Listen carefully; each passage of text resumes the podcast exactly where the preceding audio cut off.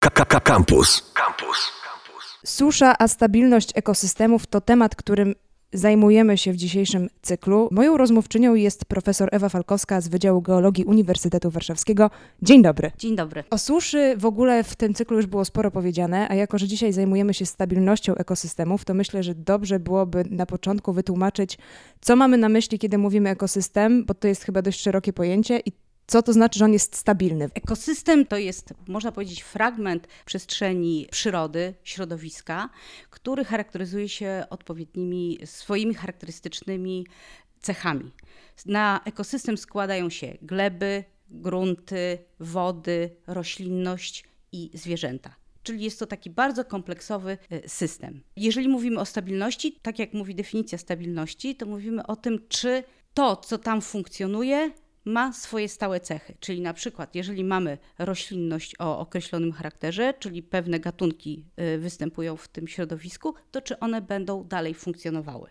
Czy nie nastąpią zmiany na przykład właśnie wilgotności, czyli y, obniżenie, y, zmienią się warunki wodne i w związku z tym rośliny, które lubią które funkcjonują w takim środowisku od określonej wilgotności, to nie będą dla nich optymalne warunki i wyprowadzą się w inne miejsce. Tak mówiąc kolokwialnie. Mamy kilka rodzajów suszy. To już też wiemy z tego cyklu. E, czy każdy z tych rodzajów może wpłynąć na stabilność ekosystemu? Tak, tylko w innym stopniu. Można powiedzieć, że to jest coraz większy poziom, coraz, coraz głębszy poziom zmian w tych ekosystemach. Początkowo będą nam wypadały pewne rośliny, będą nam wyprowadzały się pewne zwierzęta, a w skrajnych przypadkach przy już suszy hydrogeologicznej, nawet suszy hydrologicznej, nastąpi pustynnienie. Może dojść do pustynnienia, a wtedy mamy już zmianę absolutnie systemu. Z systemu mokradłowego możemy przejść do systemu pustynnego. Oczywiście w takim bardzo skrajnym, skrajnym e, przypadku bo jeszcze jest dużo takich elementów, y, dużo takich stadiów przejściowych. To może skupmy się na nich, przyjrzyjmy im się trochę. Co się w ekosystemie dzieje najpierw? To znaczy jakieś pierwsze sygnały ostrzegawcze, które w ekosystemie można wyłapać, że faktycznie ta susza zaczyna powodować zmiany i na jakim etapie one są jeszcze odwracalne, a na jakim faktycznie to już jest no, zła sytuacja? Znaczy można powiedzieć, że w zasadzie wtedy, kiedy mamy do czynienia z suszą glebową, to tak, to jest taka sytuacja, w której możemy jeszcze to odwrócić. W zasadzie w suszy hydrologicznej w pewnych warunkach również też. Pierwszym, pierwszym takim objawem jest na przykład to, co możemy obserwować w, w doniczkach, kwiatach, prawda, że zaczynają więdnąć liście, te rośliny nie wyglądają na zdrowe. W kolejnym etapie, jak mówiłam już wcześniej, pewne gatunki, które są bardziej wrażliwe, bo rośliny, znaczy fauna i flora ma pewną swoją plastyczność. Jedna jest bardziej plastyczna i bardziej się będziesz dostosowywało do tych warunków, a niektóre są bardzo ortodoksyjne dla tych warunków. I po prostu mam mieć taką, taką ilość wody i koniec. I więcej nie, nie, nie, nie, będzie, nie będzie funkcjonował. Dokładnie tak samo jest w przypadku zwierząt. Niektóre są bardziej plastyczne, niektóre są mniej plastyczne. Zaczynają wypadać po kolei, zaczynają być i te rośliny robią się coraz e, mniej takie zdrowe. Możemy powiedzieć, że ta roślinność jest mniej zdrowa. Potem żółte liście na przykład, tak w takim powiedzmy to, co możemy zaobserwować bezpośrednio. W kolejnych etapach robią się coraz mniejsze, karłowacieją, zaczyna ich po prostu brakować i możemy widzieć suche, na przykład łyse plamy, czyli mamy taki moment, moment, że stary ekosystem już przestaje funkcjonować, a nowy jeszcze się nie wprowadził. Bo w przyrodzie jest tak, że to nie jest tak, że zniknie, już nie ma, już nie ma nic. Po prostu miejsce tych, tych jednych gatunków będą zajmowało miejsce inne gatunki, które tolerują te, które powstały. Myślę, że warto też wspomnieć o właśnie odwracalności tych zmian. To znaczy w momencie, jeżeli, tak jak pani profesor powiedziała, jest taki moment przejściowy, to na przykład czy z tego okresu przejściowego, jeżeli susza minie i nagle pojawią się te zapasy wodne, to czy jest szansa, żeby ten stary ekosystem powrócił, czy to jest w zasadzie już nieodwracalny skutek? Jest możliwość, żeby wróciło. To jest tylko kwestia czasu. W, w jakim czasie, w jakim czasie to, jest, to się dzieje wszystko. To jest możliwe, zależy to, ile, ile to będzie trwało, jaki, jaki to jest czas. Jeszcze jest jeden element przy tym. Brak wody powoduje w glebie przemiany fizykochemiczne. Mamy wodę o określonym składzie chemicznym w, w glebie i jeżeli e, jej zaczyna brakować, to zaczynają się przemiany chemiczne i zaczynają się różne, i powstawać inne fazy, na przykład mineralne różnych związków. Albo na przykład robi się większe stężenie soli różnych. I, i na to też rośliny są y, wrażliwe. Czyli ta susza to nie jest tylko to, że jest brak wody, ale również zmiana chemizmu tej wody. W momencie, kiedy zmienia się chemia, to te zmiany też są już trudniej odwracalne. Y, tak, to, to tak, tak się dzieje. Ale to też nie, bo jeżeli wytrącają się związki, które. Znaczy, nie jest to, przyroda nie jest taka prosta.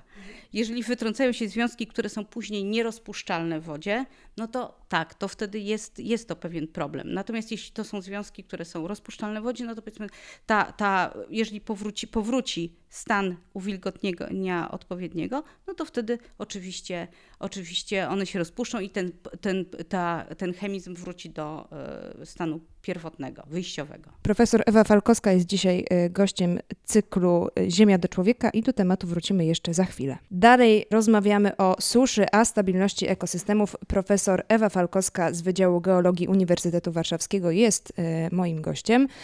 Myślę, że warto też wspomnieć o tym, jak w ogóle wyglądają badania y, nad takimi ekosystemami. No bo jeżeli to jest takie dość szerokie pojęcie, takie przeglądowe, bo i mamy i zwierzęta, i gleby, i florę, i to wszystko, i wpływ jeszcze suszy na to, no to wydaje się, że to jest jakiś taki bardzo szeroki obszar badań, to znaczy rozłożony też w czasie, jak wyglądają badania nad stabilnością ekosystemów w kontekście suszy? To są rzeczywiście, ma Pani rację, to są bardzo, bardzo takie e, szerokie badania, holistyczne, które obejmują zarówno badania właśnie poziomu zwierciadła wód gruntowych, zarówno badania składu mineralnego, składu e, chemicznego osadów, osadów, gleb, badania botaniczne, badania faunistyczne.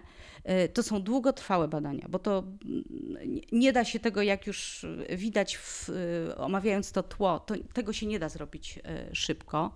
W związku z tym właściwie takie badania powinno prowadzić zespoły, zespoły interdyscyplinarne, jak widać, żeby określić w jaki sposób to środowisko reaguje na konkretne zmiany, na konkretne zmiany mm, klimatyczne klimatyczne właściwie, tak? no bo ta susza e, obecnie zależy od tych warunków e, klimatycznych, więc to są bardzo, bardzo rozległe badania. E, nasze geologiczne no to jest takie, że jeździmy w teren, pobieramy próbki, analizujemy poziom zwierciadła wód gruntowych, analizujemy ten skład mineralny, chemizm wód, jeśli chodzi o badania mm, botaniczne, jeżdżą botanicy i robią tak zwane zdjęcia fitosocjologiczne, czyli określają skład gatunkowy roślin, które tam występują. Zoolodzy jeżdżą i określają, jakie zwierzęta e, funkcjonują. Tutaj może taką ciekawostką jest wchodzenie takich nowoczesnych metod badawczych do, ty, do tych badań, czyli na przykład badania DNA środowiskowego takiego, że pobiera się próbkę gleby i się sprawdza metodami już bardzo wyrafinowanymi, jakie mamy DNA jakich roślin, jakich zwierząt i na tej podstawie się określa. Czyli y, określa się, jaki tam jest zespół fauny i flory. Bada się też y, na przykład, też używając e, analiz DNA, e, w którą stronę na przykład zwierzęta wędrują, tak? Bo możemy poprzez te analizy ich podobieństwo stwierdzić, powędrowały w jedną stronę, powędrowały drugie, czyli w którą stronę i jak zmieniają się te, zmienia się to e, środowisko. W związku z tym no, to są bardzo, bardzo rozległe i długotrwałe badania. W związku z tym nie wiem, na ile da się odpowiedzieć na moje ostatnie pytanie, to znaczy jak i czy właśnie da się określić to czy ten ekosystem, który teraz możemy obserwować, nie wiem, w okolicy Warszawy, bo domyślam się, że to też jest kwestia terytorium, ale na ile w związku z suszami, o których się ostatnio dużo mówi na terenie Polski, nasz ekosystem jest czy nie jest stabilny? Czy można to określić? E, możemy powiedzieć tak, że w przypadku, to jest zależy, bo to zależy też od jakich siedlisk. Siedliska hydrogeniczne są bardzo wrażliwe na zmiany wilgotności, więc te siedliska hydrogeniczne, które występują w, w okolicach Warszawy, hydrogeniczne, czyli mokradłowe, i z mokradłowe, torfowiska, takie jak na przykład w Puszczy y, Kampinoskiej y, są bardzo mocno rozprzestrzenione. I w Dolinie Wisły na przykład. Też są bardzo wrażliwe i w przypadku suszy one bardzo mocno reagują i są, to są środowiska zagrożone poprzez, poprzez yy, suszę. Yy, środowiska na wydmach? Nie, czyli tutaj jeszcze, może o tym nie wspomniałam, jeszcze ta, ta rola geologa yy, trochę jest w tym, w tym całym procesie oceny y, podatności na, na zmiany wilgotności wywołane przez suszę, to w jakiej formie y, rzeźby terenu się znajdujemy, bo obszary wydmy nie będą tak wrażliwe, tak? bo tam jest ta roślinność, która jest przystosowana do, takiego, do takich warunków. Natomiast właśnie e, środowiska hydrogeniczne, te mokradłowe, bardzo są wrażliwe, a one bardzo reagują na, na e, suszę, bo to jest głównie parowanie e, z, i z powierzchni terenu, i z roślin. W związku z tym one nie tolerują suchy, suchych warunków. W związku z tym, tak jak mówię, no, tam gdzie mamy mokradła, tam mamy jakby małą odporność na, na te zmiany warunków klimatycznych. Trochę pytam w kontekście tego, że czasami, kiedy mówi się o zmianach klimatu i nie mówią o tym specjaliści, czasami się słyszy takie głosy, że to jest tak niestabilna sytuacja, że za 10 lat wszędzie będą palmy, ten ekosystem tak się zmieni. Stąd moje pytanie, czy to jest w ogóle prawdopodobne z takiej perspektywy faktycznie badań e, gleby, badań suszy która, e, i, i tego, że ten faktycznie no, gdzieś ekosystem się zmienia. Ekosystem się zmienia, bo przynajmniej w ostatnich latach, bo już są obserwowane takie zjawiska, że zaczynają wkraczać gatunki, które są gatunkami takimi bardziej y, tolerującymi cieplejsze warunki klimatyczne. Czyli jednak. Czyli jednak tak, na przykład sosna zaczyna pojawiać, wypadać nasza sosna, a zaczyna przychodzić gatunek sosny, który jest, występuje bardziej na południu, na południu Europy.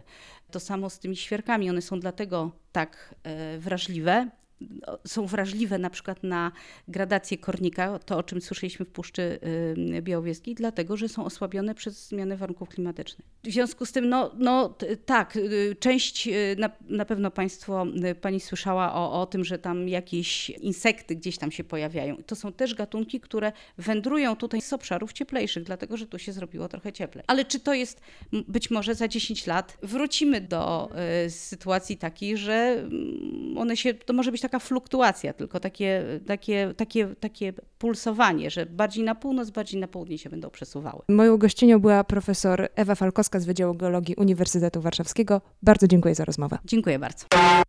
Internety. Facebook.com ukośnik Radiocampus. Twitter ukośnik Radiocampus. Snapchat ukośnik Radiocampus. Instagram ukośnik Radiocampus.